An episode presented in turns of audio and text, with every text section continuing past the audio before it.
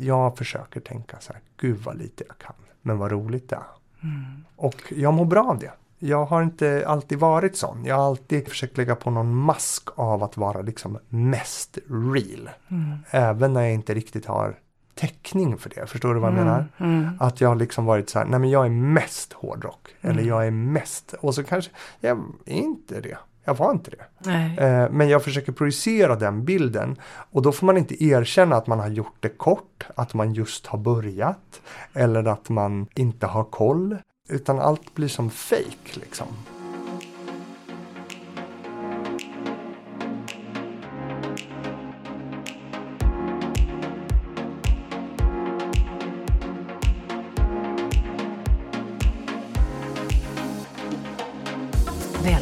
Till Inte bara kläder, en podd om klädstil och identitet där kända eller okända gäster får svara på varför de klär sig som de gör.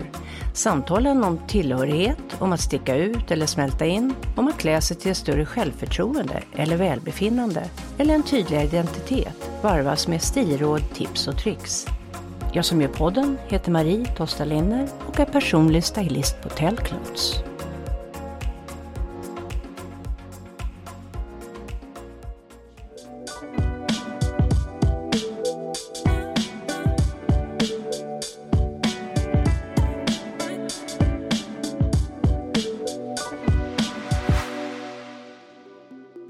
Första gästen i säsong två beskriver sig själv som ett kostymdrama på ytan, en punkare i hjärtat och lärare ut i fingerspetsarna. Martin Fernström, född 1980, är en guldäpplebelönad lärare i svenska och matematik som också har varit programledare på UR i program som Pluggkoden och Lärarmentorerna.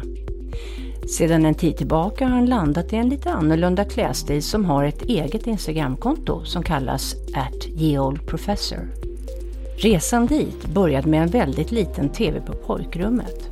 Med de nya idéerna till kläder och uttryck som han fick genom den skaffade han sig en slags rustning som gjorde honom oantastlig.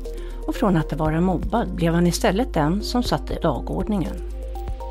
Hör Martin Fernström berätta om hur en rad olika yttre manifestationer hjälpt honom att komma åt nya sidor hos sig själv och så småningom, under höga kragar och hundraåriga kostymer, bli till den han är idag.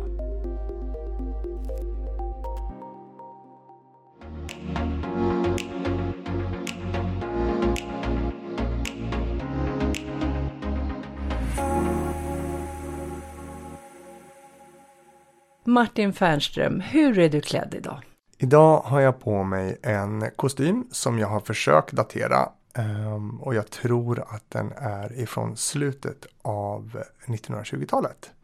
Och eh, om någon tittar på den så tror jag inte att de kan säga vad det är som gör att, förlåt nu alla som lyssnar på det här, men jag, ibland så tar jag till och svär lite varför den är så in i helvete snygg. För den är nästan svart, midnattsblå.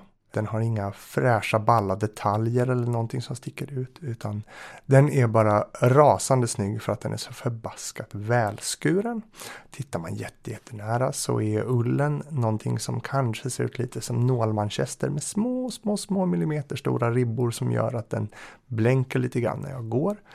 Och eh, den har jag satt ihop med en eh, vit skjorta en hög stärkt krage och en slips ifrån 1920-talet i silke som är, ja, jag har försökt säga, vad, vad, tycker du att det är för färg på den här? Jag säger laxrosa, är den lila kanske? Eller möjligen någon slags grå? Jag vet inte. Jag skulle kalla den för mauve. Mauve är en sån där färg mauve. som har både lite rosa och lila i sig. Och så är det ett vackert skimmer i sidan. Jag, Alltså trots att jag är svensklärare ja. och nördar språk förutom att jag nördar kläder. Jag har aldrig hört ordet. Nej, Gud så vackert! Ja visst är det. Ja visst. Ja. Det, det, alltså alla som lyssnar nu, den är mauvefärgad. Ja. Och sen har de, eh, den har typiska så art deco-ribbor över sig. Och känner man på dem, det kan du få göra sen, så, är, så står de faktiskt upp lite lite. Mm. Mm, den är rackarns fin den också. Och sen så, uh, vad har jag på mig mer? Jag har på mig höga så här Madicken-kängor. För den här kostymen, det är så roligt med den här kostymen för att hur kan jag datera den? Jo, jag vet att från slutet av 20-talet så försvann slagen lite tillfälligt ifrån västarna. Den här västen har inget, eh, inget slag och knäppningen är kanske lite lägre än vad den hade varit i början av 20-talet. Så därför kan vi säga att den troligen är, västen är i alla fall troligare då från senare 20-tal och den är inte riktigt sådär supersmal som de var precis efter andra världskriget. Men brallorna, varför jag kängor till är ju för att brallorna är jättekorta. Alltså jag har säkert över en decimeter kvar ner till marken. Och det är ju då för att det är en tid där det fortfarande ligger hästskit på Stockholms gator. För den är svensksydd naturligtvis. Mm. Så den måste ju vara från en tid där inte bilarna har tagit över. Men den har, är på väg mot 30-talsmodet mot slutet där depressionen och tyg blir lite dyrare och man kostar inte på sig ett slag på västen också. Mm. Men då ska det vara 1929. Mm. Eh, annars har inte depressionen smält till. Så det där eh, vet jag inte exakt. Men vet du, det här nörderiet är ju ungefär så roligt som livet blir. det alltså att få leka mm. detektiv med sina kläder, det är mm. fantastiskt. Sen har du någonting mer som hänger från västen. Mm. Och vad är det? Det här är ett fickur Mm. Eh, det är ju nyproducerat, det är ganska fult. Men eh, jag har den mest bara för att jag vill ha på mig kedjan. Mm. Och kedjan är också gammal, jag vet inte exakt hur gammal. Mm. Och sen så hänger ett av farmors pärlor hänger ner. Mm. Så är det. Och jag har bara det ena så det är ingen som kan ha det i örat. Så då har jag hängt den på för att jag tycker det ser ballt ut med en pärla som hänger vid knapparna. Mm. Jag vet inte, nu, nu, tror jag att jag, och just det, och sen så har jag ju naturligtvis, man kan inte gå ut i kavaj, förlåt, men nu kommer dagens första så här. Man, eh, jag tycker ingen som har kavaj på sig ska gå ut utan en näsduk i bröstfickan. Och om du gör det och gillar det, så gör det, lyssna inte på mig. Men jag tycker att om du inte gör det, men tänker, va? Ska man ha en näsduk i bröstfickan på en kavaj? Då är det så här, A. Jajamensan. B. Prova ska du få se. För att det, jag tycker att det gör en, mm. en hel outfit att stoppa mm. en, en näsduk i bröstfickan. På. Där kan man ju också som man mm. lägga till det personliga. Mm. Som är ganska påvert i den manliga klassiska garderoben. Verkligen. De personliga och, tilläggen. Och det var ju verkligen så man uttryckte sig också. Att man mm. bytte, var, var, man en riktig spelevink så bytte man färg på västen. Mm. Som alla kostymer hade väst tillhörande innan 1930. Liksom. Mm. Och, var, ehm, och man kunde uttrycka sig genom att dra på sig en ljusväst eller mörkväst. För en väst är mycket billigare för det är mindre tyg. Och, mm. ja, eller mindre mängd tyg i alla fall. Och man kan också stoppa i en, en bröstnäsduk. Mm. Så. Hur känner du i kläderna? Eh, cool, bekväm. Jag känner att jag har roligt. Jag känner mig medveten. Jag känner mig som att jag har gjort en massa aktiva val. Både stylmässigt och ideologiskt kanske. Jag känner att jag tar hand om min omvärld och det som har producerats innan. Jag känner att jag visar respekt för de som har kommit innan mig och har tänkt. Men jag känner också att jag gjuter eget liv i det som att det får leva vidare med nya ideal och nya ideologiska inlägg i vad det är. Mm. För det vill jag ju ha sagt att jag är ju inte ett museiföremål. Alltså jag gör inte det här för att jag tror att det var roligare att bo på 20-talet. Jag tror att det var ganska bedrövligt att bo på 20-talet. Om jag lyssnar på min morfars historier så, mm. så skulle jag säga att det finns inte en suck att, att man kan säga att det var bättre förr.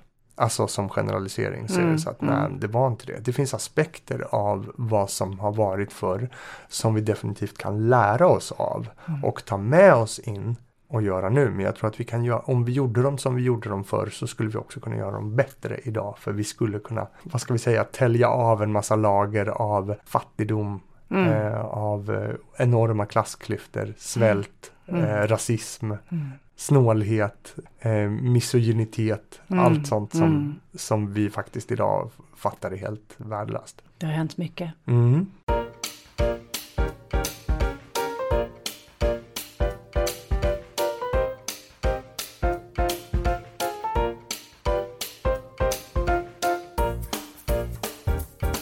Om man säger så här, det här är hur du klär dig dagligen. Yep. Ja. Inte exakt så här. Alltså, jag, jag, alltså det är också det här med, jag är ju inte från 20-talet. Jag är, jag är född 1980. Mm. Jag missade tåget med 60 år. Mm. Eh, så att jag får göra som jag vill.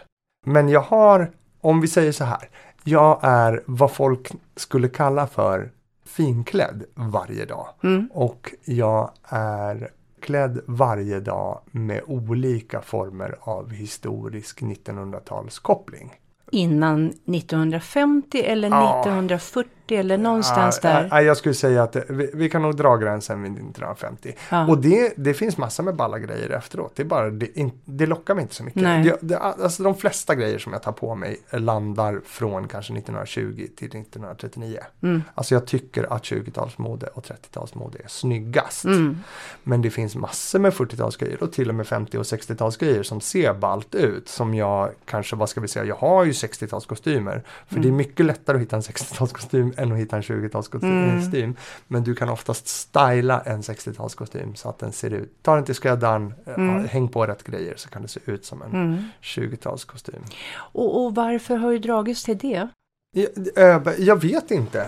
Och det är en jätte, jättebra fråga och jag tror att den är, eh, jag tror att det ärliga svaret är väl ett det är klart att jag vet, men jag har inget så samlat svar på det. Jag tror att först och främst så kommer man till något sånt här, hjärtat vill ha vad hjärtat vill ha. Alltså att man bara fastnar för någonting. Mm. Jag tycker att det här är fint. Mm. Alltså, och det, det är inte ett så intellektuellt eller rationellt beslut. Utan man ser någonting som får nålen att röra sig, som får hjärtat att slå lite snabbare, man Mm. blir lite varmare i fingertopparna. Man, alltså liksom lite som man blir kär, Mm. kanske. Och det är inte helt solklart varför man blir så. Sen, se, eh, blir det. Sen börjar man intellektualisera det här. Eh, Men det kommer sen. Mm. Och intellektualiseringen, den kan vi prata om hur länge som helst. Men varför jag började så här, det är ju f- för att jag tycker att det ser coolt ut. Alltså det det, är så enkelt. Ja, men, Men- det var en händelse som startade upp Ja, det hela. ja, du tänker så. Ja. Ja. jo, men så här var det då, att vi, eh, vi skulle flytta och sen så behövde jag ju rensa. Och så sa min, eh, jag hade samlat på lite, eh, alltså jämfört med vad jag har nu, men då tyckte jag att jag hade ganska mycket grejer. Mm. Så, så gamla kavajer och så här, sparat lite från min morfar och så här, så sa min fru att det där har du aldrig på dig, kan inte du liksom så här, kanske typ i alla fall packa undan det eller så. Och jag har väldigt svårt att packa undan kläder och eventuellt slänga dem. Det, det går inte. Och hon sa, jag vet egentligen inte hur allvarlig hon var, men hon sa, men du, alltså så här, men släng dem du inte har. eh, Så här. Och då, men då blev jag liksom som lite så här full i fan och var så här, nej, men då ska jag ha det här. Så då bestämde jag med mina elever, det sammanföll sig med att det var slut på ett sommarlov.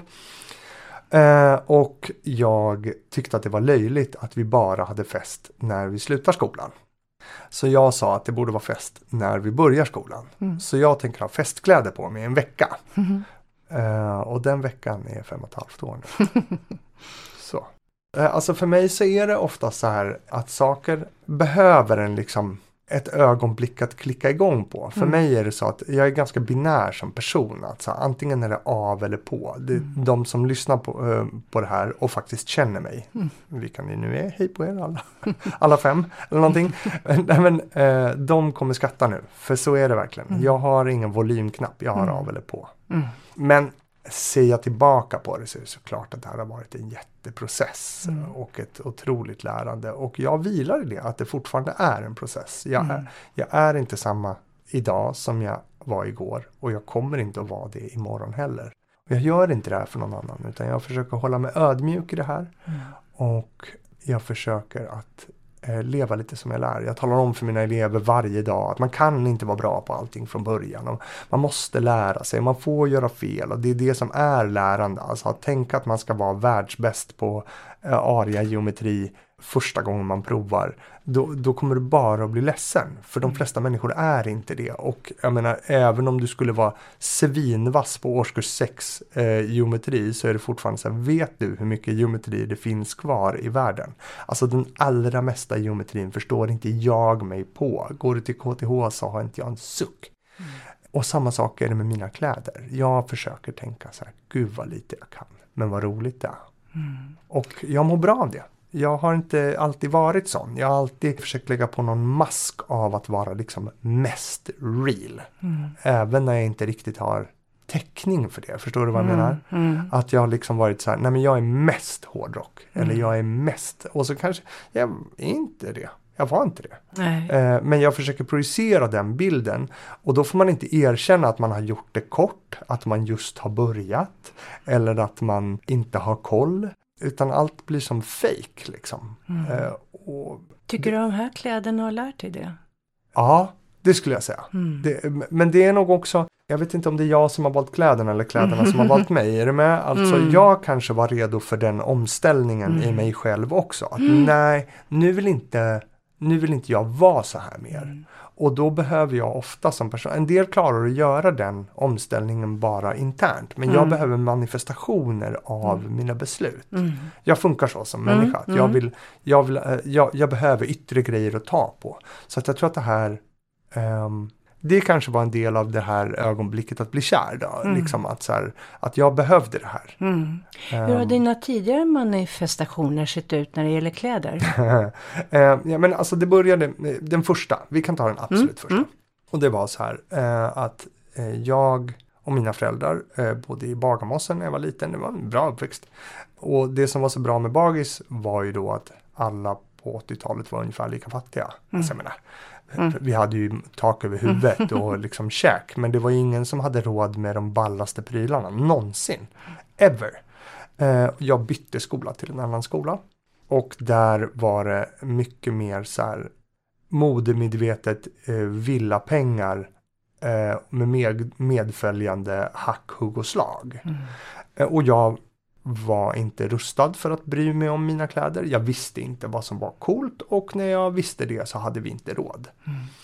Eh, så att ehm, man ska väl egentligen inte säga att man blir mobbad för sina kläder, för det blir man inte. Den kalla hårda sanningen är man blir mobbad för att det går att mobba en. Och det här kanske är hemskt att säga som lärare. Eh, men det i alla fall i mitt fall och i många andra fall jag har sett så är det så här för att man inte har en rustning att försvara sig och ta stryk och eventuellt ett svärd och ge tillbaks. Och det hade inte jag. Mm. Så att jag blev ganska hårt utsatt och det var jädra jobbigt. Eh, och jag ville inte gå till skolan. Jag hade ont i magen och eller jag fejkade att jag hade ont i magen. Eh, förlåt mamma. Men det vet hon säkert. Men det var många gånger jag sa att jag var sjuk som jag inte var sjuk. Men sen så eh, samtidigt som det här är då så blir jag, jag är 10 och det är skitjobbigt och det, jag är 11 och det är skitjobbigt. Och det var inte bara jag, det var andra som levde i det här också. Det, var, inte, alltså så här, det var inte så att jag var skolans hackkyckling utan det här var ordningen. Liksom. Mm. Och sen så eh, någonstans när jag är 12, ska fylla 13, eh, mellanstadiet är på väg mot sitt slut, så fick jag i alla fall då en eh, liten, liten, liten tv att ha på mitt rum. Och jag satte på MTV och sen såg jag ett program som heter Headbangers Ball som spelade punk och hårdrock och metal och grunge var det väldigt mycket då, sen Nirvana och sådär. Och eh, jag kommer ihåg ögonblicket där jag såg en eh, video med ett band som idag inte är någon eh, favorit egentligen som heter Megadeth. Men då fanns det en låt som heter The Symphony of Destruction där de såg så de såg så balla ut i den videon. Det går ju att le åt idag men, men då tyckte jag att de såg skitcoola ut. Och sen så tänkte jag att man kan också se cool på, ut på andra sätt än så. Så att jag tänkte att jag hoppar i den här poolen. Mm. Jag vill inte vara som alla andra.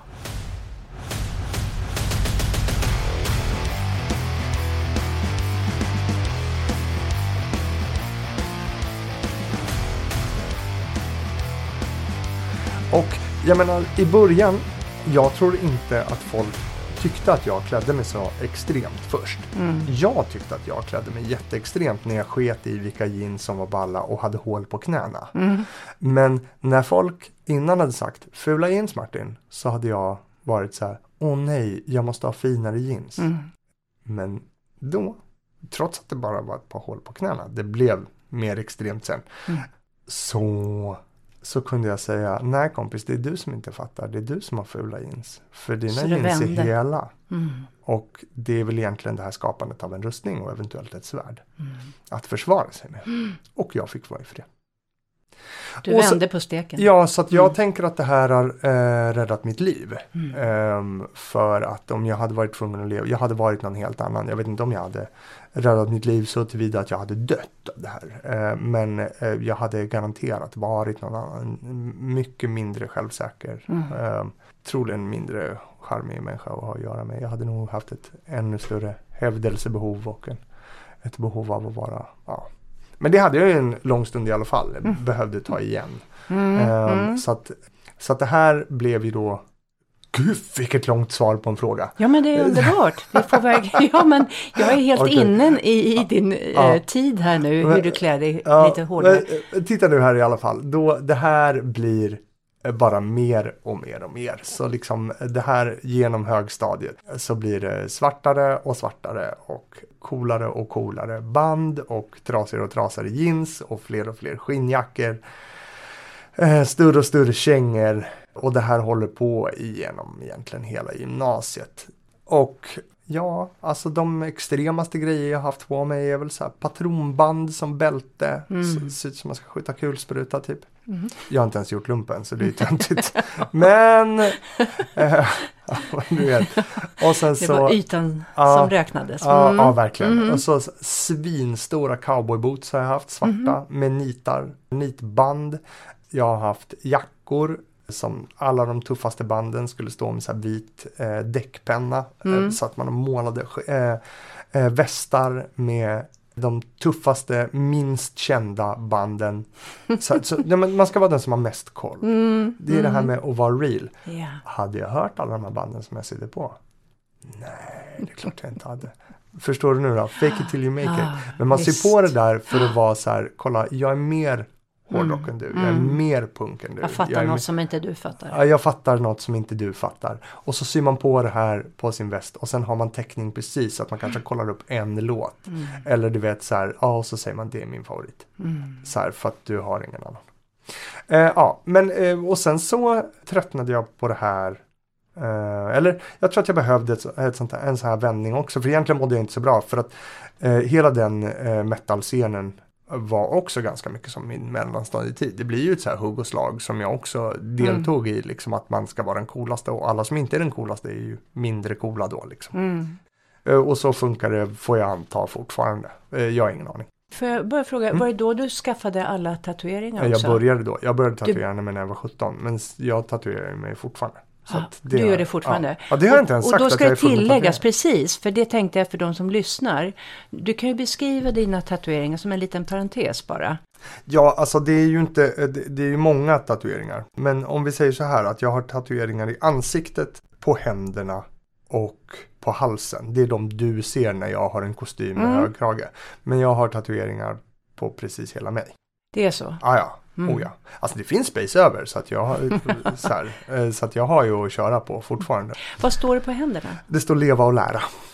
När kom de? Ja, det är ganska sent. Vad kan det vara? En, eh, knappt tio år sedan Mm. eller någonting. Mm. Men eh, det kommer egentligen från ett band som heter Hatebreed som har en låt som heter Live and Learn.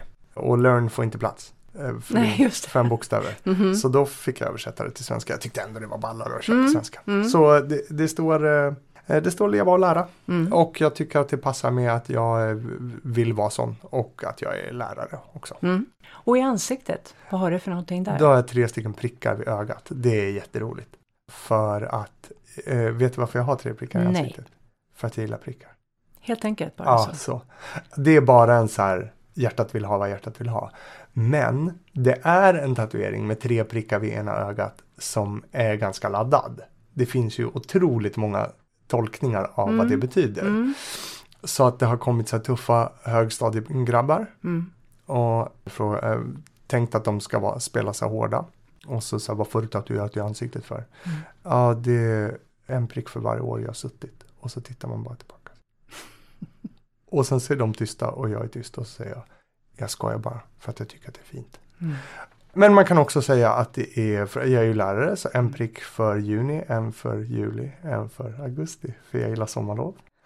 Och så kan man hitta på som man vill. Jag skaffade det för att jag gillar prickar i ansiktet.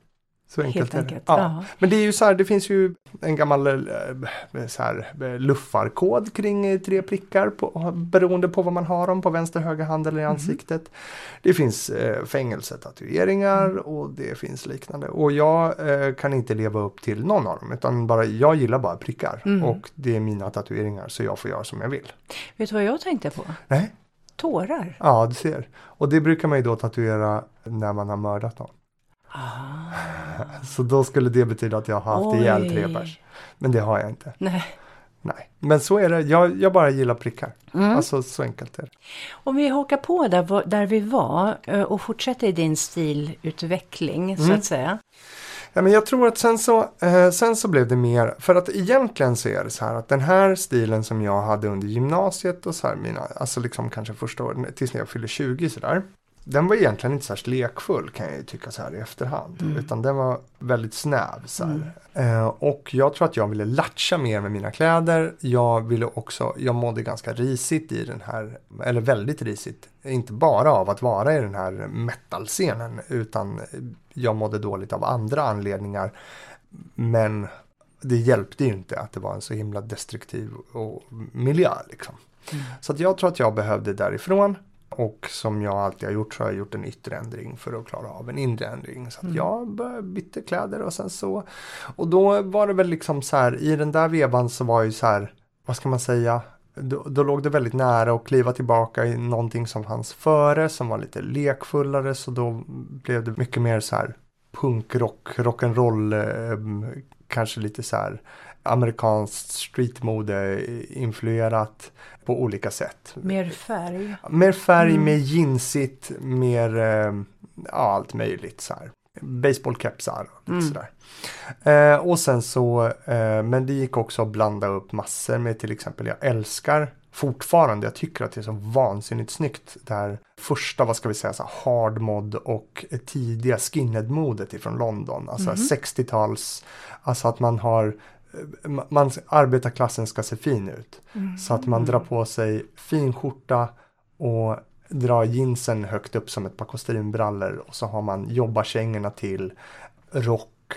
Alltså det är ett Mm. rysligt snyggt mode är det. Fortfarande tycker jag att det är stenhårt alltså. Smala silhuetter, cigarettbrallor, alltså det är otroligt coolt. Väldigt mycket kopplat till liksom också den kanske så här, den stora karibiska invandringen och liksom reggae-kulturen som Mm. kommer till London och Birmingham och sådär under 60-talet.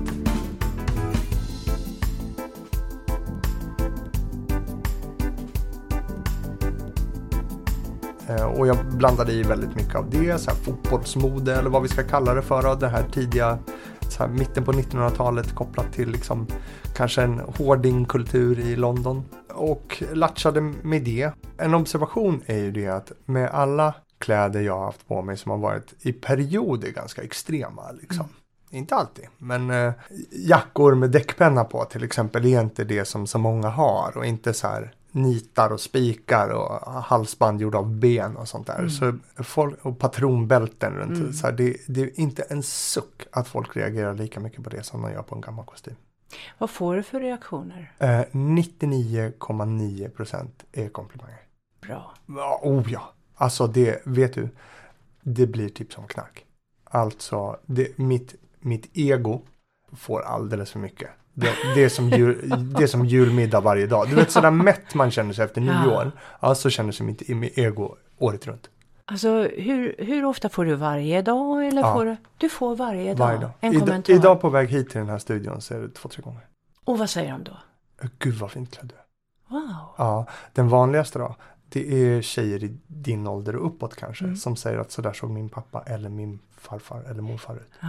Och vill börja prata om det. Och eh, ibland stannar jag och pratar. Mm. Och då kan vi snacka i halvtimme.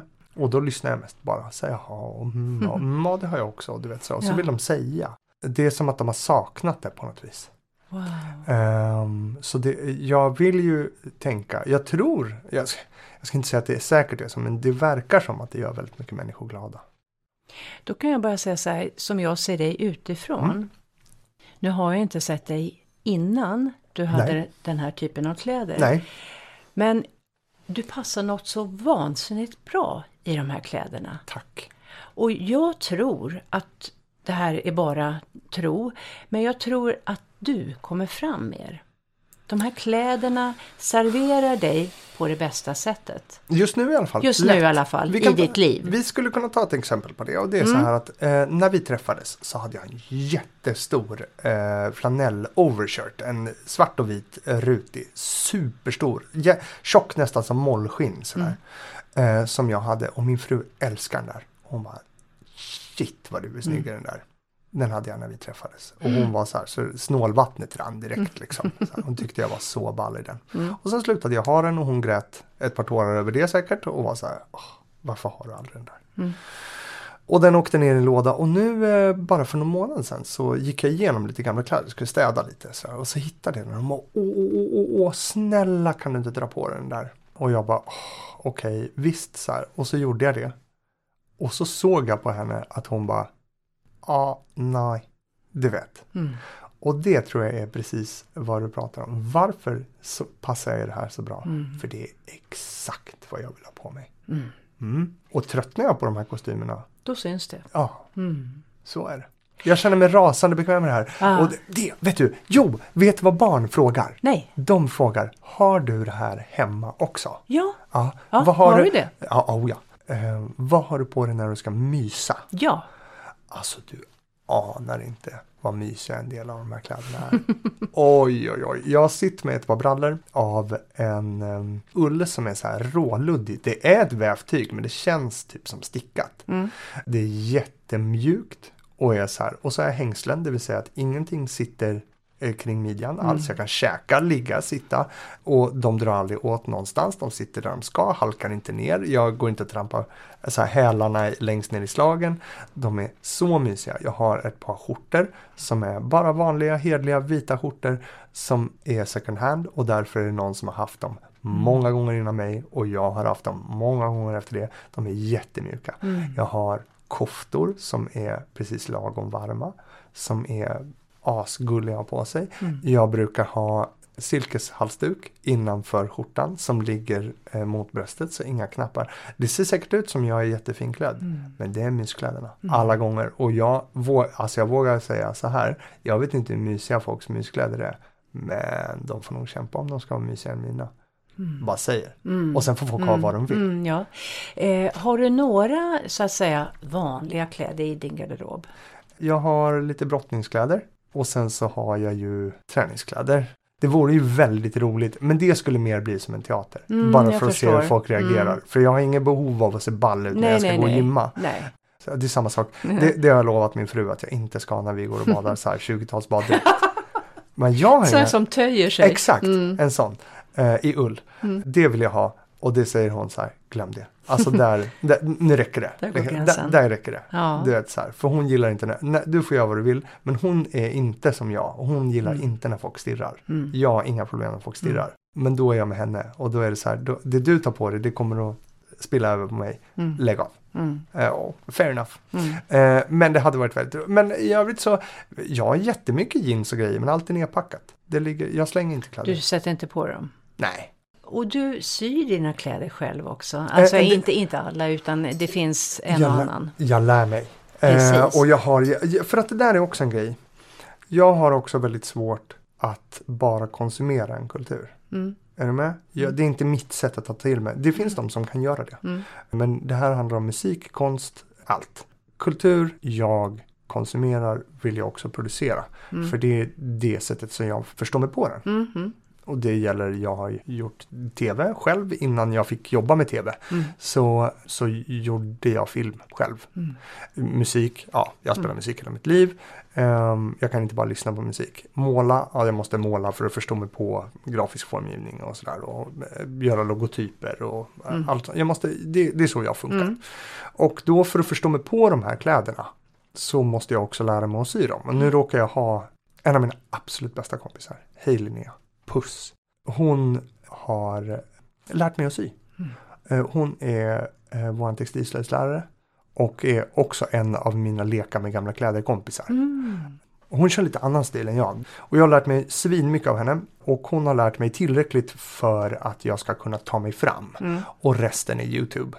Och sen så får man ju i och med att man lever det här livet ganska mycket på so- sociala medier med andra nördar som Mm. jag. eh, Så träffar man en massa andra nördar och en del av de nördarna är typ skräddare och säljer kostymer för 20-30 tusen Mm. skräddarsydda. Eh, Och sitter inte nödvändigtvis i Sverige, eller nästan ingen av dem faktiskt, för Mm. att Sverige är litet och världen är stor. Och så, men alla är så generösa. Och också nördar. Och är det något nördar gillar så är det så här, kan inte du berätta om det du är bra på Mm. och du kan någonting om, fuff, kommer det som en flod. Så jag har fått så mycket hjälp av folk som bara, du vet, så här, hur gör man när man sätter ihop ett par brallor? Vilken ordning ska man göra i? Och så är folk supergenerösa. Så jag har lärt mig. Det ballaste vore ju att lära sig att sy en hel kostym. Mm. Jag har börjat lära mig att sy byxor. Jag skulle nog kunna säga att jag kan sy en väst nu. Det, det, så, så många västar har jag gjort så att jag får säga att jag kan sy en Mm. väst. Kan jag sy en väst i världsklass? Absolut inte. Kan jag sy en väst som andra tycker är fin? Ja, det kan jag. Eh, och om ett tag kommer jag nog kunna sy ett par brallor. Mm. Och när jag kan sy en väst och ett par brallor så är det ju bara kavajen kvar. Mm. Men det är ju så rasande svårt. Så det, det Mm. kommer att ta tid. Mm. Men det måste inte ske idag. Man ska Mm. ha något att göra imorgon också.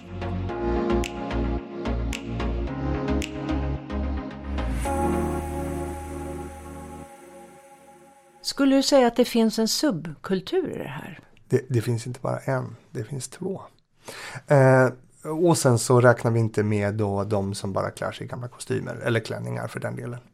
Men jag, eh, min högst ovetenskapliga analys här nu då, så nu får ni inte, eh, det här är bara mitt tyck. Jag vill vara noga med att säga det innan. Det finns säkert någon som har forskat på det här eller så. Men jag tycker mig se utifrån mina vänner och de jag har runt mig att det finns två stycken subkulturer som ser exakt likadana ut men som angriper det här ideologiskt från två olika sätt. Eh, den jag skulle säga att jag kanske tillhör, det är liksom, vad ska man säga, de som gör det här med någon form av PK-ighet. Det finns en ganska stor del av människor som liksom eh, kommer hit utifrån queerkulturen, att man känner sig kanske, man har olika former av kanske mm, alternativa förhållningssätt till sin egen kropp. Det måste inte vara en dysfori, men kanske bara att man känner sig inte helt hemma i ett binärt eh, genusträsk där man måste vara tjej, kille eller inget och så känner man att jag passar inte in där. Då är det ganska schysst att kunna välja någonting som liksom är helt plockat ur tiden. Jag tror att det kanske lockar till sig människor ur hbtq-sfären väldigt mycket. Också folk som, eh, det finns otroligt många som kommer ifrån, som berättar samma historia som jag, som kommer ifrån liksom en punkscen eller vad vi ska säga och landar i det här. Alltså att man är van vid att klä sig annorlunda och sen så hamnar det i det här. Det har jag flera kompisar som gör. Och liksom det, här i finns det också en my, mycket stor tanke om till exempel så här hållbarhet i kläderna, do it yourself, man har gjort sina egna punkaffischer när man var liten, man syr sin egen klänning när man blir stor. Eh, men det är samma DIY-tänk, att man gör det själv. eh, För ingen kommer göra det åt dig. Mm. Hållbarhet, inkludering, eh, solidaritet är väldigt vanliga tankar den här. Och den ser precis likadan ut som den andra biten. Och de brukar ju kalla sig då för vintage style and vintage values. Och kommer då ifrån en ett ganska konservativt håll in i det här. Om att man, min analys är att de kanske mer vill göra en kommentar om förr i tiden. Mm. Att man eh, vill att eh, könsroller ska tillbaka till det som fanns förr. Eh, att eh, kanske liksom, ja i värsta fall så finns det ju de som tycker att eh, den tidiga 1900-talsrasismen är någonting att i alla fall kika på. Liksom, att var det verkligen så dåligt? Eh, eh, och eh, de, det ser ju exakt lika ut. Och det är lite jobbigt ibland när man springer på dem och gillar exakt samma kavajer. Och sen så börjar man prata om annat i livet och, och sen säger det så här, men du och jag kommer aldrig bli kompisar. Mm. Alltså det finns inte en suck. Det är Eh, två extremer, eller Ja, ytterligheter Ja, som verkligen. möts. Ja, men det är väl lite det, en, en subkultur behöver ju lite vara en extrem. Eh, Så det är därför jag säger att sen finns det nog folk som bara tar på sig en gammal kavaj också. Mm, mm. Eh, som finns eh, där mitt emellan. Men eh, det är väldigt intressant, man, man, kan, eh, man kan se på det om man liksom börjar leta lite så, så kan man se i hashtags som folk använder och sådär så kan man eh, ganska fort räkna ut vad folk tycker och tänker och sådär. Mm. Den här lite mer konservativa sidan, eller lite mer, den här helt avskyvärt konservativa sidan, nu märkte ni vad jag tyckte.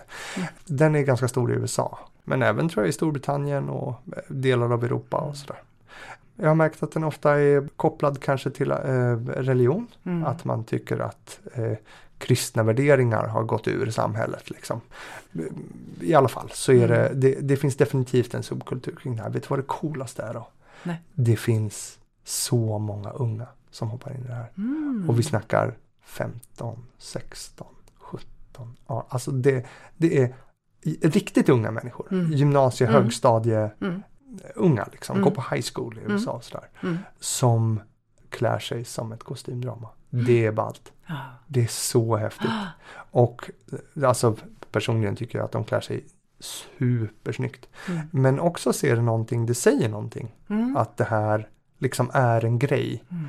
Varför, varför väljer unga? Alltså jag menar, mm. för, för, för många unga så är det ju liksom så här 80-tal och 40-tal länge sedan. Mm. Alltså så här, för mm. de är födda på 2000-talet. Mm. Och varför de, de då väljer att gå tillbaka till det här tycker jag är jätte, jätteintressant. Jag har inga bra svar på det. Om någon har forskat om det här, hör av dig puss puss. Men, eh, men det är intressant. Mm. Det är jätteintressant. Och skitsnyggt. Vad kan vi lära oss av Martin? Vare sig du letar efter en kostym eller en kavaj bland vintage eller nyproducerat så är det klokast att välja hög kvalitet. Och så här känner du igen en kvalitetskavaj. Det styva mellanlägget mellan yttertyg och foder är pikerat, det vill säga fäst med långa stygn och inte pålimmat, vilket gör kavajen både följsam och åldersbeständig.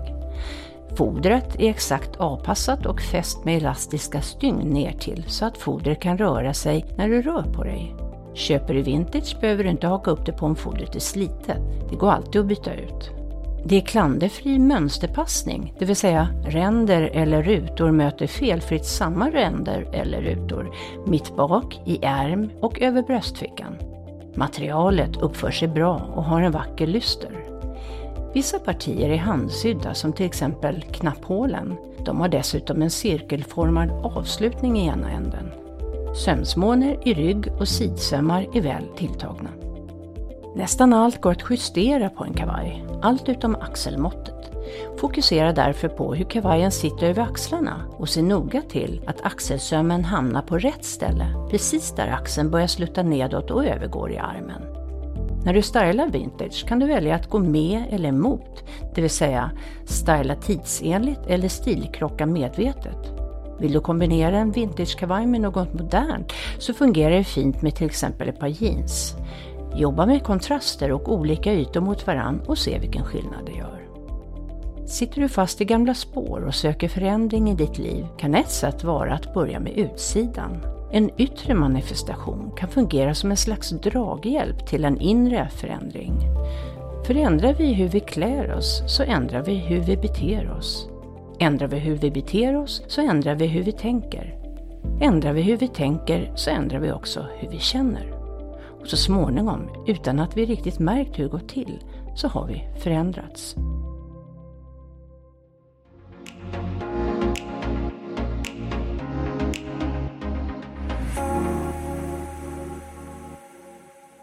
Varifrån får du inspirationen?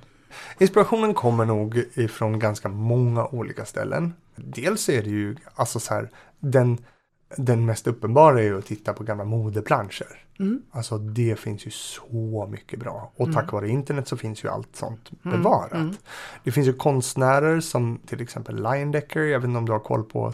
Eh, han har gjort reklamen för ett företag som heter eh, Arrow Colors och Arrow Shirts i början av 1900-talet. Han är ju modeillustratör mm, liksom, mm. från början av 1900-talet mm. och har gjort bilder som jag vet att väldigt många har sett utan att kanske veta att det är han. Mm. Men sen också gamla bilder. Men självklart också andra nördar mm. som liksom mm. gör något tufft och så är det så det här vill jag göra. Men sen får det bli också, man får ju angripa det här på ett lite annat sätt. Ska man ha gamla kläder, en sak är om man köper ny reproduktion och sådär, men det är oftast ganska så dyrt. Mm. Så det kan man inte göra så ofta. Utan man får också angripa det här från ett lite annat håll än om man köper moderna grejer. För då kan man vara så här, jag skulle vilja ha en grön baseballjacka och så googlar man så här, grön baseballjacka.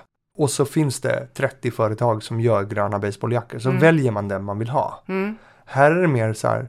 Man springer på en gammal Mm. grön baseballjacka och så är det så här. Kan jag göra något av det här? Ja, ja då köper vi den. Så att jag vet ju inte.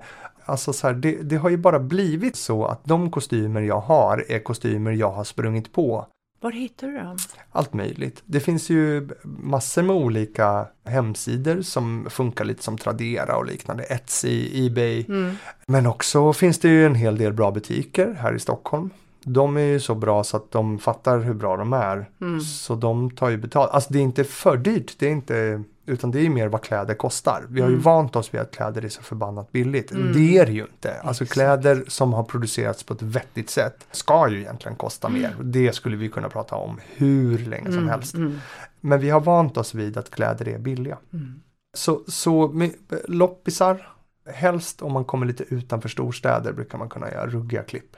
För här, eh, här vet folk vad de sitter på Mm. och det, det är inte Just så det. ofta det hamnar på en loppis utan det hamnar väldigt ofta i en sån här, i en second hand butik Mm. som också ska göra pengar på, de måste Precis. göra vinst, eller får göra, alltså det, det är klart Ja, de ska ja. göra vinst, Mm, alltså det är, mm, mm. men, Ja, men, men, nej, det så, men blir dyrare såklart. Men om du köper på nätet, Mm. det kan vara lite svårt då med storlekar. Mm, man får mäta allt, Man får mäta allt, kan- så det jag- står alltid. man ber liksom. om det annars. Man ber om det. Ja, Mm. och sen så vet jag, jag har ett så här Excel-dokument med alla mina mått i. ja. Alla. Mm. Så att jag snabbt kan kolla. Ehm, jag fick av min mamma i julklapp ett eh, armband med, som är ett måttband i armbandet.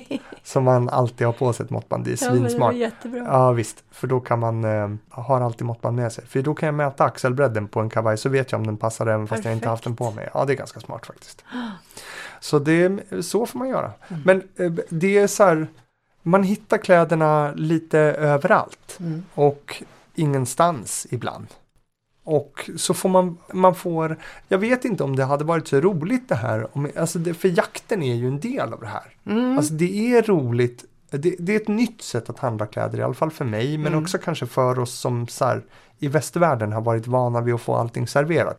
Om man kan ställa om hur man tänker på när man handlar kläder. Jag handlar ju alltid kläder och aldrig kläder. Samtidigt, alltså jag är, jag, det finns ingen gång som jag inte är redo att handla kläder.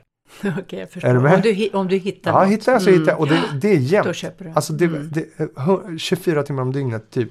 Hur många timmar om dagen, eller ska vi säga i veckan, ägnar du dig åt dina kläder? Och Då menar jag inte bara liksom ta hand om dem och sånt, utan eh, sätta ihop nya outfits, eller leta kläder, eller eh, läsa om kläder, eller sy kläder, eller Alla. alla timmar. När jag sover. Det är så. Ja, jag drömmer om det också. Du gör det. Ja, visst. Men oj, Ja, wow. ja. Jämt. Jämt, jämt, jämt, jämt, jämt tänker jag på det här. Alltså även så här, jag märker att jag gör det när jag inte gör det. Men alltså så här, det, det, Och jag blir mållös. Ja, det är det är fantastiskt. Ja, men jag- alltså det är absolut inte stressigt eller jobbigt. Utan Nej, jag, till exempel när jag är inne i att sy någonting och så tänker jag, då, eh, så här, och så vet jag inte hur jag ska göra. mm. Då har jag sytt det, den sömmen eller det plagget eller så. Mm. Då har jag sytt den tio gånger i huvudet. Mm. Alltså hur ska jag vika för att komma åt så att jag kan göra, hur gör man det där, hur får man det att rulla, hur gör folk egentligen slag på kavajer? Mm. Hur gör man? Hur gör man när man klipper det så exakt? Mm. Hur, gör, hur, hur vet man? Och sen så blir det oftast att man tar det man, så att ja men det här borde väl gå att räkna på. Mm. Och sen så märker jag att det går ju inte bara att räkna på utan det är också feeling och du vet så, ja, och, ja. Ja, Okej, alla är väl lite starkt. Det, men det känns som alla. Det också. känns, precis, det känns som att det är jämnt. Ja. Eh, och jag nördar ju andra grejer också. Alltså så här, det, Mm. det, skulle den här podcasten handla om lärande och Mm. skolarbete så Mm. skulle jag kunna prata lika Mm. mycket, lika länge Mm. i alla fall. Mm. Så att, eh, men det finns alltid där. Mm. Det är alltid i mitt medvetande. Det är liksom ald, det, det är aldrig som att mina kläder inte, alltså det spelar ingen roll. Eh, Nu vart det dubbelnegation här. Ah, ja, det, det, Ja, jag det spelar alltid roll. Ja, så säger vi. Jag förstår. Mm.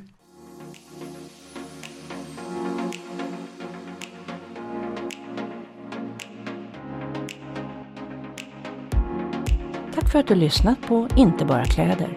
Läs mer och se bilder på dagens gäst i olika outfits genom livet på poddens hemsida helclothes.com inte bara kläder eller Facebook och Instagram at inte bara kläder.